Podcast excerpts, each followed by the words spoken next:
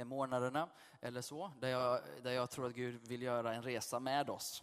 Ehm, så ni som är gäster och här idag får en liten smak på det och eh, får dra vad ni kan av, av det in i ditt, i ditt liv och din, ditt sammanhang. Ehm, men, men eh, jag, den här texten har ju några olika bärande delar. Jesus Ehm, rör ju sig väldigt fritt, vilket är väldigt underbart. Han är så oreligiös som man kan bli.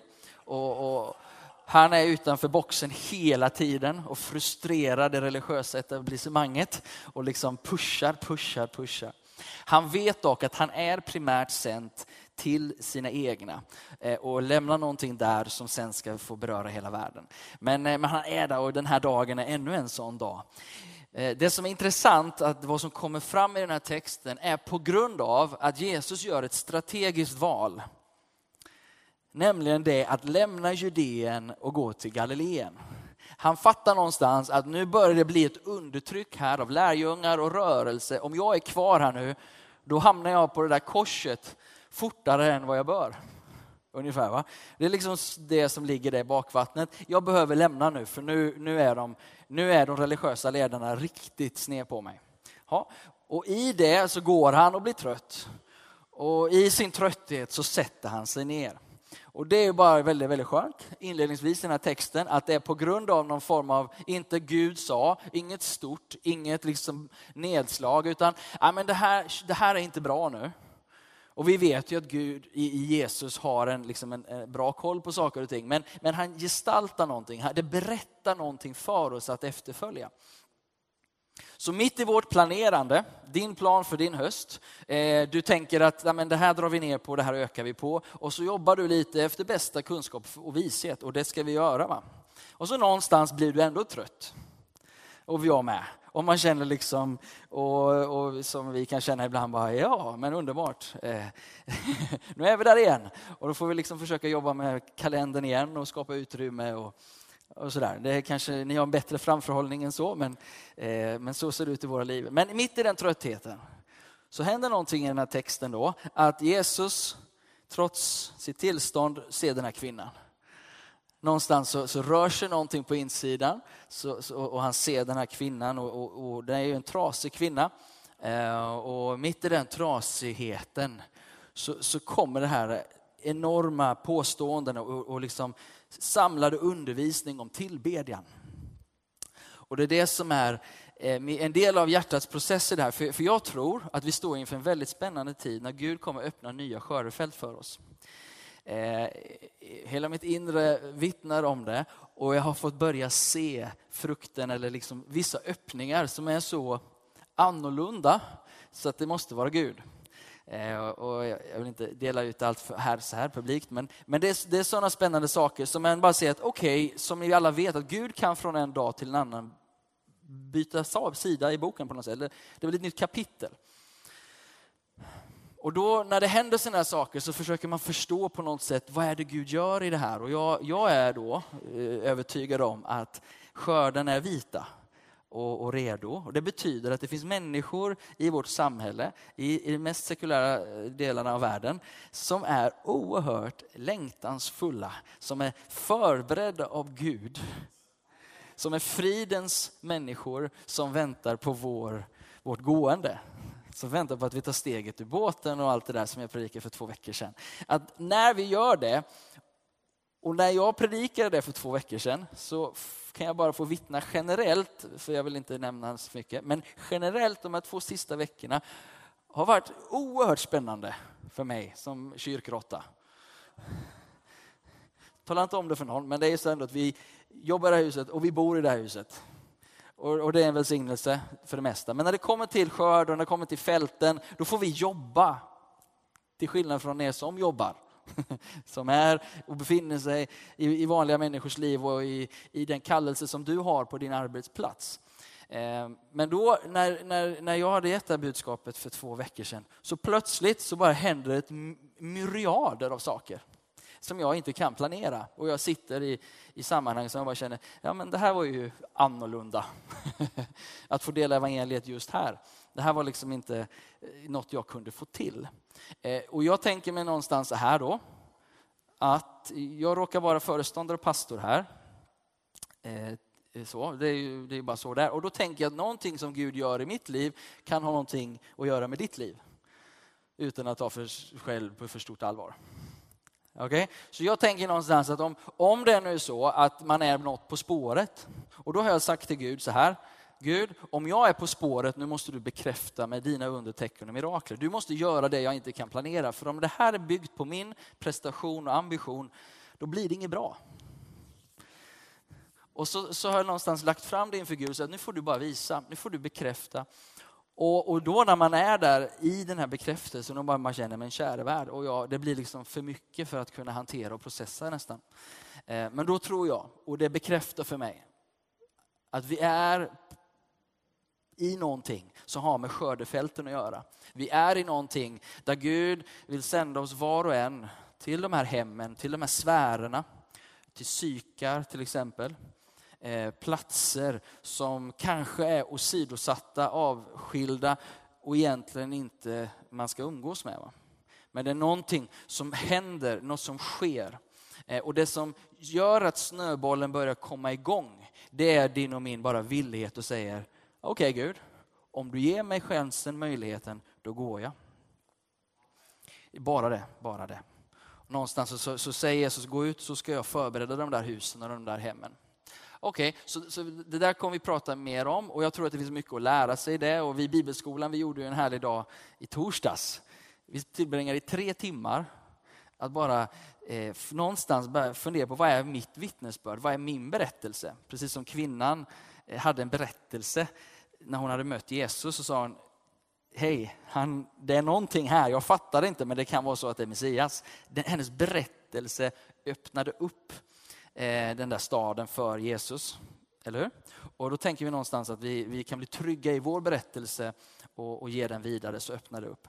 Anyhow, eh, det där kommer vi hålla på med en del. Men för mig är det så viktigt nu, för jag, jag, jag, att, att, i den här texten så finns det ett crescendo det finns en, en högpunkt i det här. Och det är dels, eller det klart det finns några, det, det avslutningsvis att han är världens frälsare, det är liksom en stor liksom, uppenbarelse. Men, men mitt i detta så talar han om tillbedjan.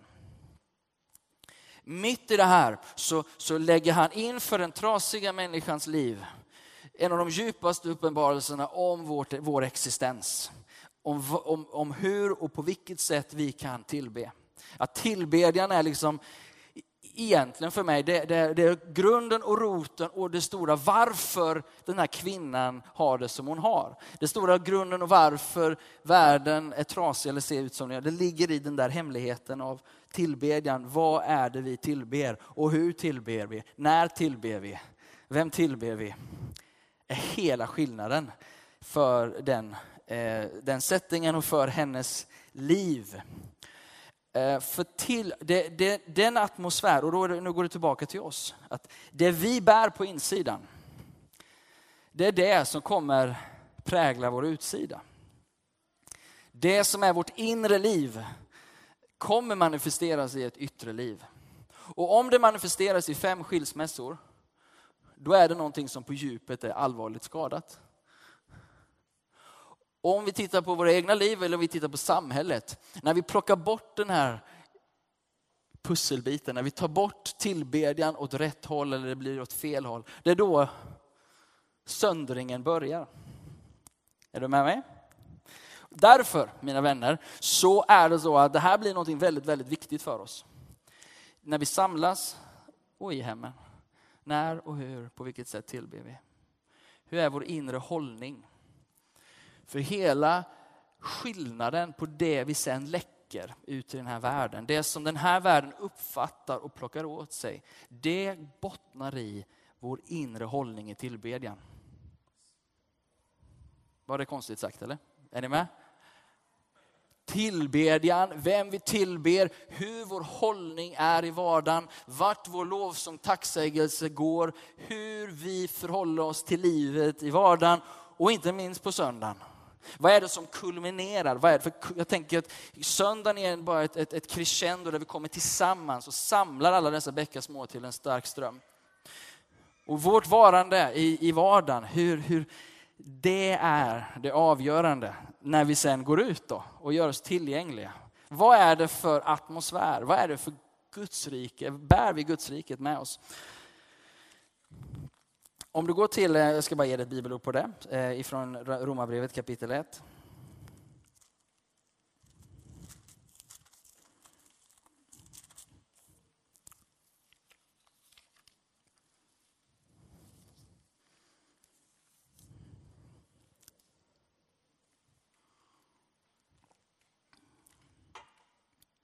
Kapitel 1, vers 21 till eh, 25.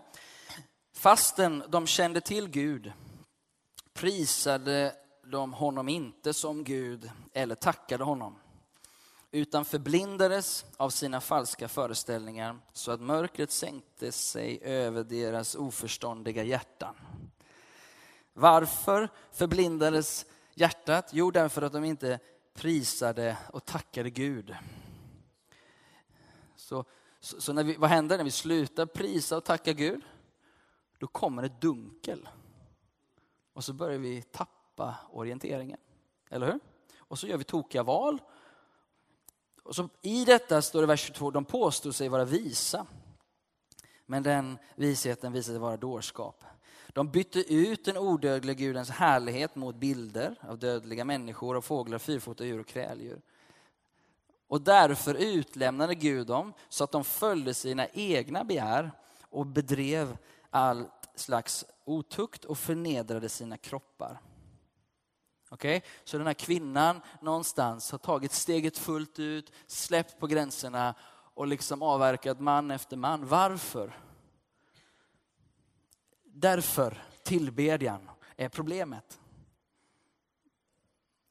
De bytte ut, vers 25, Guds sanning mot lögnen. Det är det som sker när tillbedjan och fokuset på tillbedjan blir fel. Då händer någonting. Sanningen luckras ut, upp, lögnen tar plats. Och de tar sig för att dyrka, alltså tillbe och tjäna det skapade istället för skaparen. Han som är välsignad i evigheter. Så det är den dragningen som sker. Och i den dragningen är vi som troende också en del av den liksom frustrationen, eller vad ska man säga, kampen. Vi befinner oss mitt på i den striden om vår tillbedjan. Därför blir det så oerhört viktigt vad som sker på söndagen här. Det är inte den enda platsen av tillbedjan, men det är en sån viktig plats för oss. Sångvalet är inte det viktiga, det viktiga är att tillbedjan, att den djupa tillbedjan mellan, mellan hans skapelse och skaparen får ske. För vad som händer då, det är att i den miljön, i den, i den atmosfären så kommer den klarhet som vi behöver. Vi får den, där öppnas, där står lögnen av, av liksom klädd på något sätt. Där, där blir sanning förstådd, det blir uppenbarelse. Valet att tillbe. Så jag tänker mig samtidigt som vi sträcker oss ut den här den här, den här tiden, vågar gå ut, vågar göra oss tillgängliga. Så tänker jag bara, så oerhört viktigt vad, vad som hände här. Den här tempelkällan, um, ni som har läst Bibeln lite mer kanske, ursäkta om, jag, om det blir lite bibliska här nu, men tempelkällan i, i Hesekiel, den, där, där, där, det talas om att det finns en tempel och så, ju längre ifrån templet eh, ängen tar Hesekiel, desto djupare blir, blir strömmen. Jag tycker det är oerhört intressant att han mäter upp, som jag fattar i alla fall, så som jag ser det när jag läser det, så är det som att det, bara, det ökar och han tar honom tusen alnar och tusen alnar. Och när han, när han kommit en bit ut, då, då tappar fotfästet. Och det är den vittringen jag har i min, i min ande, i mitt hjärta. Beredd att tappa fotfästet. Och jag känner mig så oerhört sårbar i det som händer. Jag känner om inte Gud dyker upp, då, då, då blir det ingenting. Alltså. Som du utmanade oss förra veckan Alfred. Om. Låt det vara så att den här församlingens verksamhet, den, den, den löses upp på två veckor om den heliga ande inte kommer. Låt mitt liv vara helt bara alltså, kaos om inte Guds ande är där. Vågar vi leva så? Tänk, det finns en plats som, som i allt det här fridens man, tänket och svär som har öppnat sig. Och en av dem som har gjort det utmanar mig. Och, och jag bara känner, gode Gud, din, den här tempelkällan måste med mig alltså. Och, och, och, och ditt liv.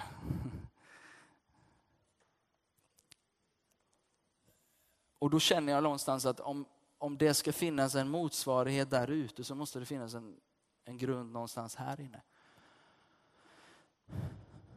som vi måste vaka över på något sätt eller strida för eller, eller, eller ge utrymme för. Jag vet inte vilket som är rätt ordval men någonstans så känner jag så här, nu har vi ju flera gudstjänster varje söndag men, men jag skulle önska att vi hade platser där vi bara väntade. Nu väntade vi ungefär, eller var, vi förblev lite längre än vad vi brukar, men bara få vänta på honom. För jag känner så här, nästa, om några veckor ska jag ha en vigsel på en plats som behöver Gud. Inte en pers där, det är vad jag vet, känner Herren. Och de, de, de letar och hungrar, och de jobbar och stretar och jag bara känner, men gode Gud, kom med liv till våra medmänniskor. Kom, fyll oss med sånt liv. Att när vi ställer oss där så är det inte orden det, det handlar om, utan det är kraften. Det är Guds ande över våra liv. Det är sånt liv och flöde genom våra liv.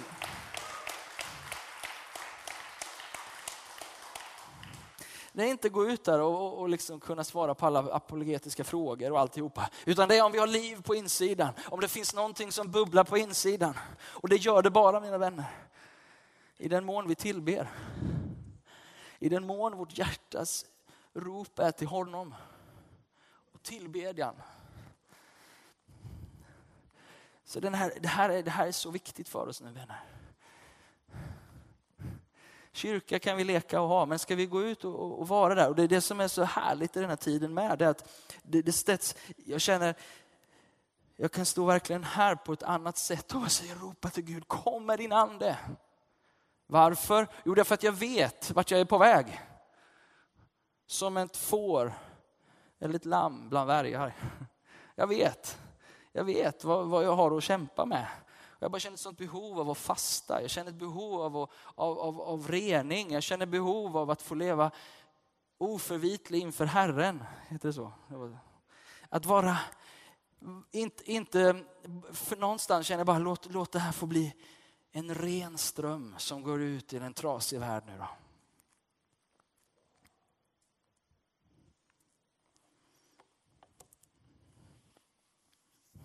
Därför så skulle jag vilja utmana oss att när Alfred eller de som leder, att försöka någonstans lära oss tillsammans, gå den här resan i tillbedjan. Ibland är det Amazing Grace, ibland är det nyare sång och allt däremellan. Men, men om vi bara fick lära oss att förbli där. Du behöver inte ha en särskild upplevelse av gåshud och det är inte det vi söker, men någonstans Gud, Herre min Gud, jag tillber dig. Jag söker dig och jag, jag inser att att genom det, det, som sker nu så får jag den inre klarhet som jag behöver. Jag behöver liksom den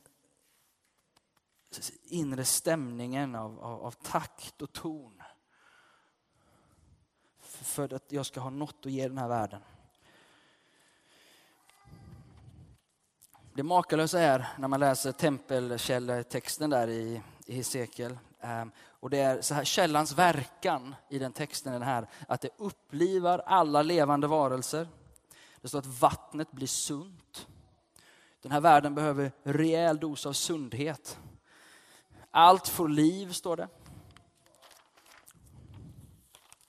Massor av fiskare.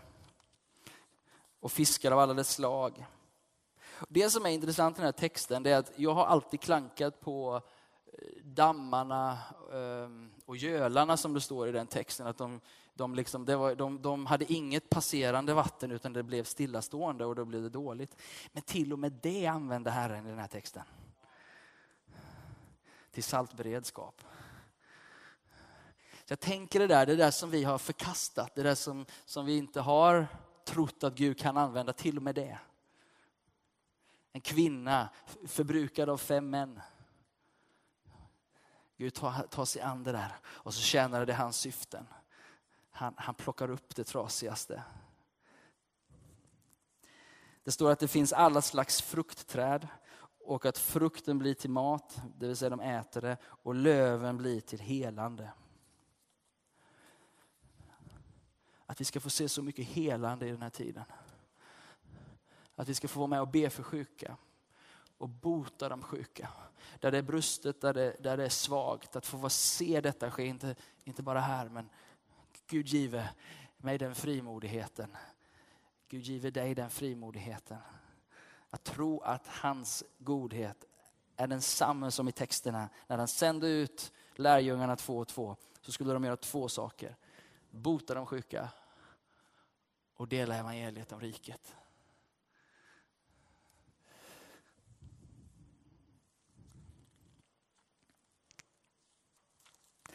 Vi har ju våra värderingar. Ehm, och när vi har våra värderingar så, så är det så viktigt det som är i mitten här, om du trycker fram lite. Eh, gå tillbaka. De där. Vi vill se allt det här. Vi vill se att Guds rike gestaltas på det här sättet. Att vi älskar och hedrar, precis som Jesus älskade och hedrade den här kvinnan.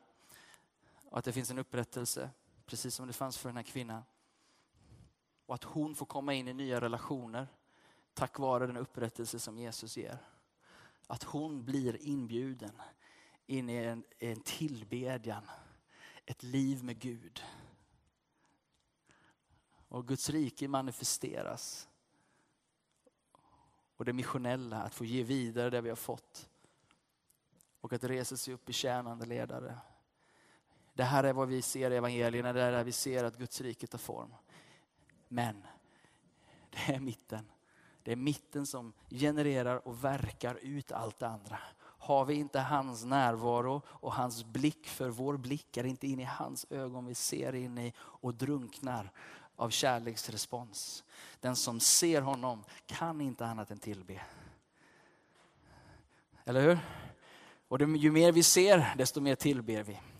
Så jag, min bön är för mig själv, låt mig få se Låt mig få se dig mer så min respons blir tillbörlig. Den blir motsvarande den han är. Snarare liksom en, en passiv hållning. På insidan.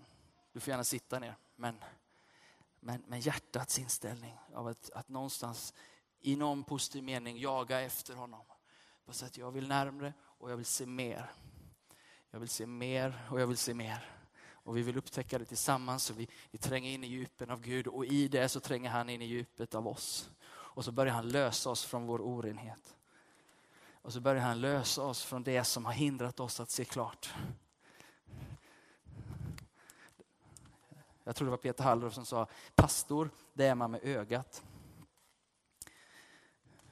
För det handlar om hur vi ser på människor. Och är blicken oren, hur orent är då inte hjärtat? Men, men Herren kommer att rena hjärtat i en våg av, av hans närvaro där vi vågar släppa in honom. Och så renas hjärtat, så blir blicken ren. Och så börjar vi se. För jag vet inte hur många av oss män här inne skulle kunna ta en prostituerad eller en plats av ensamhet med en kvinna Förstår du vad jag menar? Men, men att det finns en rening att få i hans närvaro. Som gör hjärtat rent, som gör blicken ren. Som gör att vi ser på människor på ett helt annat sätt.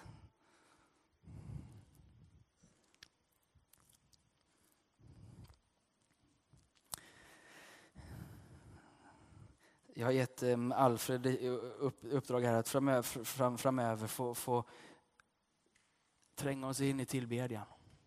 Att på, på, något sätt så känner jag att vi, det vi får uppleva här idag är jag så tacksam för.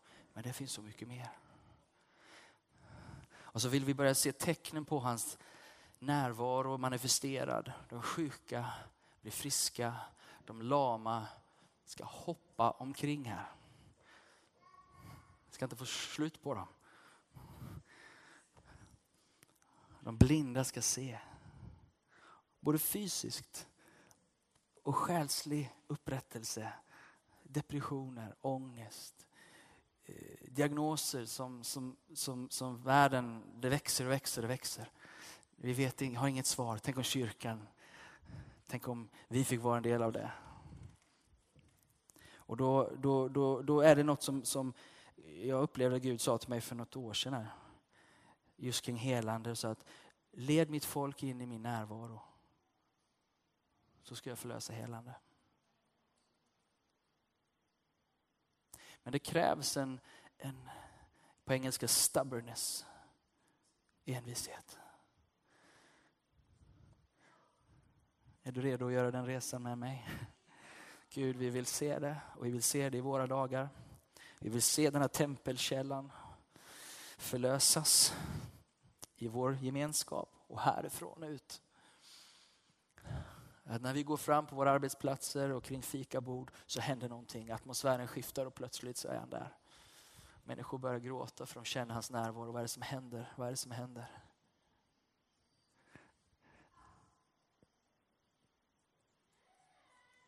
Den här kvinnan som, som eh, jag ska viga med hennes man. Och jag vet inte riktigt vad det står för, men jag blev glad i alla fall. För vi träffades kort, vi, jag känner henne sedan tre år tidigare. Men, och så, eh, så sa hon till mig på torsdagen efter, jag träffade henne på måndagen, på torsdagen så, så ringde vi. Hon bara, jag fattar inte det här, men jag har haft en, en glädje i hela kroppen sedan vi sågs.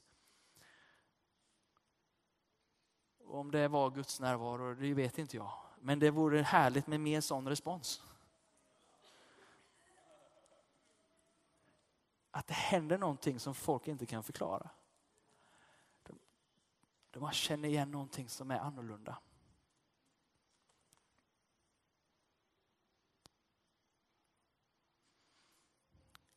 För dig som är lite mer praktiskt lagd och tänker, jaha, det här var fint men fluffigt. Börja med den första värderingen. Och om du lever i det, då är det gott nog. Vi kommer förvandla den här världen om vi älskar och hedrar människor.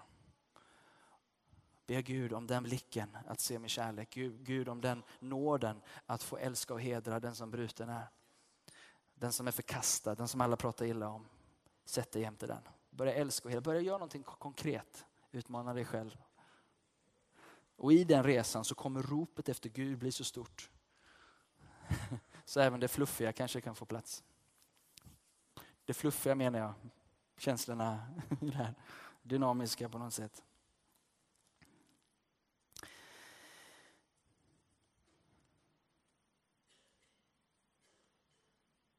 Jag tänker en sak till, sen ska jag sluta. Alfred, ni kan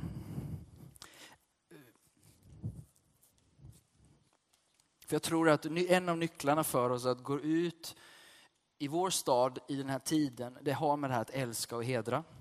Och den attityd och den, som vi säger, blick vi ser på människor med.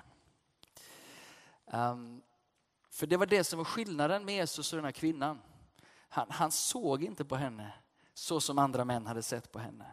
Han bemötte henne med den respekten som en människa skapad i Guds avbild som han snart sen skulle dö för, för att återställa på något sätt. Och jag bara ett litet kort vittnesbörd som jag, jag kände att jag blev prövad Eh, i det här. Jag berättade för er bibelskoleelever. Jag, jag var satt hos frisören här förra veckan, eller fredags tror jag det var. Och i mitt huvud när jag gick till frisören, då tänkte jag nu måste det gå fort för att jag skulle hämta barnen. Så jag, jag tänkte jag springer ner på Drottninggatan och ser om det finns en drop-in-tid. Så i mitt huvud var det bara så snabbt som möjligt. Men så satt jag där i frisörstolen och, så, och då kommer den här frågan då som många frisörer frågar. Vad, vad jobbar du med? Ja, jag jobbar som pastor. Och då liksom ögonen varje gång. Och, bara, och det roliga är att de flesta är väldigt, ändå väldigt positiva. Anyhow, så hon, hon frågade det. Och så ställde hon en djupare fråga. Har du alltid velat vara pastor? Och då tänkte jag, okej, okay, hon får skylla sig själv. She's asking for it.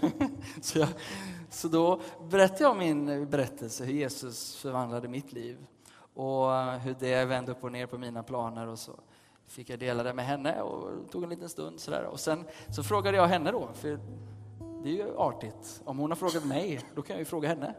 Om hon har en tro och, och hur det ser ut i hennes liv. Ehm, och då eh, så sa hon att, eh, ja sådär. Ehm, jag ber till änglar, sa hon. Och, och till, eh, till min morbror som är död. Okej? Okay. Och där kände jag liksom någonstans, där det var, och sen så säger hon så här till mig. Uh, jag pratade med en, ganska, en väldigt religiös man och han, han sa att jag höll på med häx, häxeri. Vad tycker du? Och någonstans så tänker jag, vad, vad är det som händer här? Hon testar mig. Hon vill veta vilken attityd jag kommer med. Ska jag fördöma henne och bara säga babra, babra, babra. Utan någonstans bara så kände jag av det där och så, så tog jag ett litet djupt andetag och sa ja. Så att det jag hör, så att jag tror också på en andlig verklighet. Och det jag hör, det är en människa som är väldigt andligt hungrig. Jag hör någon som längtar efter sitt ursprung och försöker förankra sin vardag någonstans som är starkare än sig själv. Och jag tänker att alla människor gör den här resan och, och du också. Jag försökte bara bekräfta hennes längtan efter Gud. Som nu hon höll på med lite andra grejer. Så fortsatte vi prata och så, eh, så sa jag att men, jag har sett en del har gått den vägen och hållit på med änglar och det finns en del onda änglar och de är inte lika trevliga. Så jag skulle vara försiktig. Och sen så blev det lite vidare så sa jag att sen har jag sett de som har verkligen sjunkit djupt i det här och blivit helt intagna av onda makter. Och jag har sett konsekvenserna av det och jag har också fått se dem bli befriade. Vadå, som på tv eller? Så, här, som, så att, ja, som på tv ungefär. Jaha, men då hade vi kommit någonstans och det fanns ett förtroende och det fanns lite att prata om. Men så sa jag, men tänk att få vara med och se en människa bli fri. Blir du inte rädd då? Nej, jag vet på vems lag jag spelar. Och han som är på mitt lag, han är bra mycket starkare än alla andra. Så att man behöver inte vara rädd i sådana situationer om man vet vem som är med Poängen med den här berättelsen är att vi kommer bli testade med våra avsikter och våra attityder. Och få älska och vara trygg mitt i en, alla möjliga, jag menar vad de än håller på med. Vad än dina grannar och dina kompisar eller den du möter pysslar med. Bara se förbi det. Tänk att få se guldet, se människan, se den som Gud har skapat. Och genom Jesus kan få ett nytt liv och få ett nytt liv tillsammans med sin skapare. Det är de här samtalen som kommer och finns redan och som du lever i. Och jag tänker någonstans, låt oss gå ut och älska hedra människor. Låt oss bara se dem genom evangeliets öga. Så som Jesus såg på människor.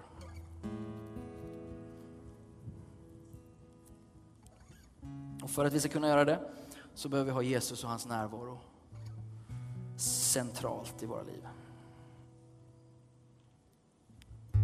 Låt oss stå upp vänner.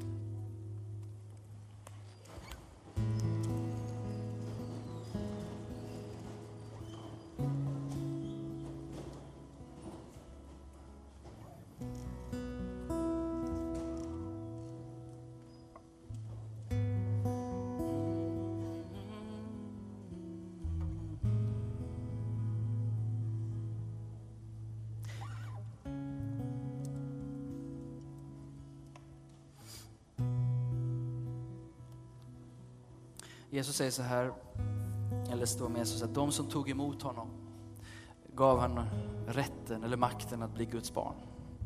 De som tog emot honom, de som sa ja. De som valde att ta emot honom. Idag har du möjligheten, du kom till kyrkan idag för en eller annan anledning och du vet inte på din insida, har jag tagit emot honom? Har jag bekänt honom som min Herre, som min frälsare, min räddare? Och det sker något helt makalöst när man sträcker ut handen till Jesus. Det är som kraft i det handslaget, förstår du. och i det handslaget finns det kraft att resa dig upp ifrån allt som vill tynga dig och hålla dig nere. Om du här idag behöver bli frälst, behöver bli räddad, behöver få ett liv med Gud, veta att för evigt är jag räddad att få ett liv med Gud, att få en relation till honom, att få tillbe honom, att få känna honom. Idag har du möjligheten att ta emot honom och ta ett aktivt steg och säga Jesus, jag vill ha dig i mitt liv. Jag vill ta emot det du har gjort för mig. Förlåt mig min, min synd, rena mig. Låt mig få ett nytt liv den här söndagen, den här dagen. Låt mig först kanske bara få fråga om det är okej. Okay, att jag, medan vi, vi, kan, vi kan blunda, vi kan vara bedjande där du är. Och är du här i kyrkan och, och skulle vilja ta emot det handslaget ifrån Jesus att okej, okay, nu får du lyfta mig. Jag behöver din, din räddning, jag behöver bli, bli återställd. Kanske precis som den här kvinnan som hade ett brokigt bakgrund. Jag vet inte vad du har varit i, jag vet inte vad du har gjort smått, stort eller litet. Men en sak är säker och det är att du inte riktigt vet att du har det rätt ställt med Gud. Och den här dagen så kan du få det rätt ställt med Gud genom att ta emot Jesus och det han har gjort för dig. Om du är här idag så, så skulle jag önska att du bara lyfter din hand. Om du vill ta ett steg idag emot Jesus och bara säga Jesus, jag behöver din räddning. Så kan du bara få lyfta din hand så ska jag be för dig där du står. Är du här idag så lyft din hand. Gud välsigne dig och Gud välsigne dig. Är det någon mer här i, i kyrkan idag? Så jag ska inte ta fram dig här och nu, men däremot så ska jag be dig också sen att, eh, om du vill, få mer bön och förbön. Är det någon mer som är här som, som vill gensvara på den erbjudandet som finns från himmelen idag? Att få stiga in i en evig relation med Gud. Är det någon mer som jag får be för så lyft din hand just nu. Sen så. Ja. Så Fader i himmelen, gode käre älskade far.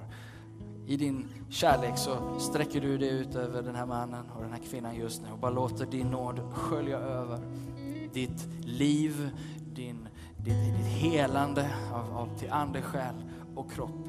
Välsigna dig broder. Tackar dig Gud för ditt liv, att det är så mycket guld nedlagt i dig. Det är så mycket av, av honom själv. Och nu ber jag att du ska återställa den bilden, att det ska få, han ska få bli hel och ren och börja ett nytt liv tillsammans med dig idag. Helige Ande, gör honom ny, gör honom ren. Med visshet i hjärtat att han tillhör himmelens Gud.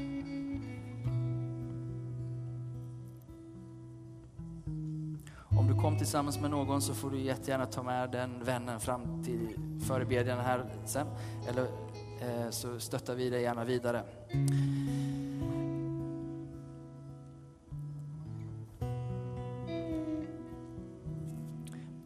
Tar och tillber tillsammans och sen får Daniel ta vidare gudstjänsten här.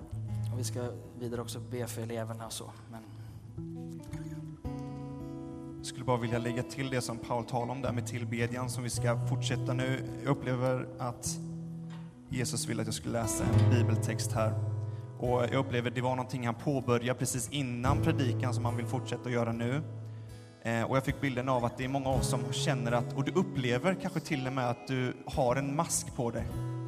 Eh, det är som att du försöker täcka över någonting. Det är en mask som är på ansiktet. Och eh, det är, jag skulle vilja läsa från Andra Korintierbrevet eh, kapitel 3, vers eh, från eh, 15, 16. Men när helst någon omvänder sig till Herren så tas slöjan bort Herren är anden och där Herrens ande är, där är frihet. Och lyssna på detta. Och vi alla som är avtäckt ansikte, vi lägger bort masken. Vi skådar Herrens härlighet som en spegel. Vi förvandlas till en och samma bild, från härlighet till härlighet. Det sker genom anden. Och jag upplever så tydligt hur Jesus bara i det, han gör det otroligt mjukt. Han är sensitiv. Alltså, han gör ingenting som, som du inte vill, utan han, han bara frågar, låt mig få ta den masken. För det är något speciellt att tillbe med en mask på. Men jag vill bara säga detta till dig, det är en helt annan femma att tillbe när du har lagt bort din mask. Framförallt till alla män här ibland, när vi bara vill liksom, vi bara man up och bara tuffa till oss. Jag vet inte vad du går igenom i ditt liv just nu, men det är som att Gud bara, låt den masken få falla av. Tillåt dig själv att säga till Jesus, jag behöver dig. Jag är i behov av dig, jag klarar inte detta själv. Jag måste få tillbe dig i ditt hus, jag måste få bli styrkt av dig. Jag upplever verkligen väldigt starkt, framförallt om det, han kommer med styrka här. Men valet är ditt att ta av masken. Och då står det att du med avtäckt ansikte får skåda Gud. Det är en helt annan sak. Så skulle jag bara kunna få be för dig. Det är just det som Paulus talat om med tillbedjan. Jag tror det är så viktigt att Herren bara talar om detta. Det är som att han, precis som den samaritiska kvinnan, så säger Jesus, vet du vad, det ska komma en dag, vet du vad, den är redan här, när det ska vara folk som tillber i ande. Vad sker det igenom? Jo, anden. Det är andens verk när du lägger bort din mask. Det ska ske i ande och det ska ske i sanning. Och det ska inte vara i Jerusalem eller någon annanstans, det ska vara över hela världen. Som det är du, så du upplever väl så jag, jag har på mig en mask. Jag är någon som jag inte är. Jesus vill möta dig. Jag vill inte möta någon slags fake mask som du har på dig. Och det här inkluderar mig själv. Så just nu, Herre, för alla oss som det är försiggår, Gud, vi väljer just nu att lägga bort vår mask. Åh, vad skönt. Jag upplever en sån frid här inne just nu. Jag lägger bort min mask, Herre. Alla måsten, allting som säger att jag ska klara detta, jag, jag, jag kommer klara detta själv. Allting med att jag är independent, att jag står på mina egna ben och klarar mig själv. Jag lägger bort det och jag säger till dig, Herre, jag behöver dig. Jag vill tillbe dig med avtäckt ansikte. Så just nu så upplever jag bara att vi ska vänta på heligande och upplever han tar bort den masken om du vill. Upplev hans härlighet här inne. Föreställ dig att du ser Jesus. En plats där du kan möta honom som är, det kanske är ditt rum, en säker plats. Vad säger han till dig? Våga titta upp och möta hans blick. Om du vill så säg till Jesus just nu, Jesus ta bort min mask. Ta bort min fejkade känsla av trygghet. Ge mig en tillit på dig. Bara fortsätt möta hans blick. Hur ser han ut?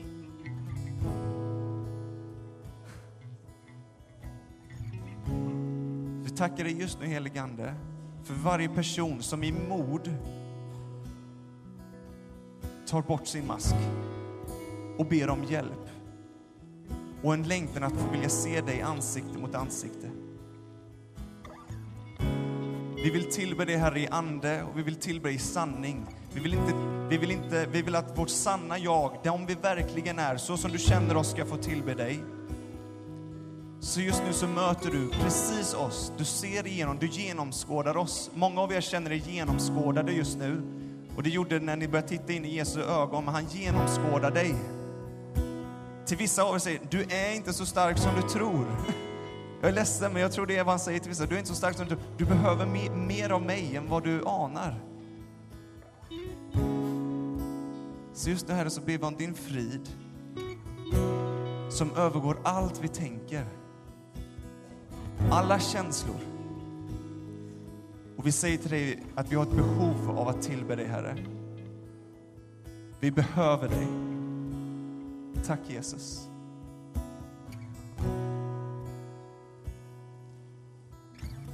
Jesus.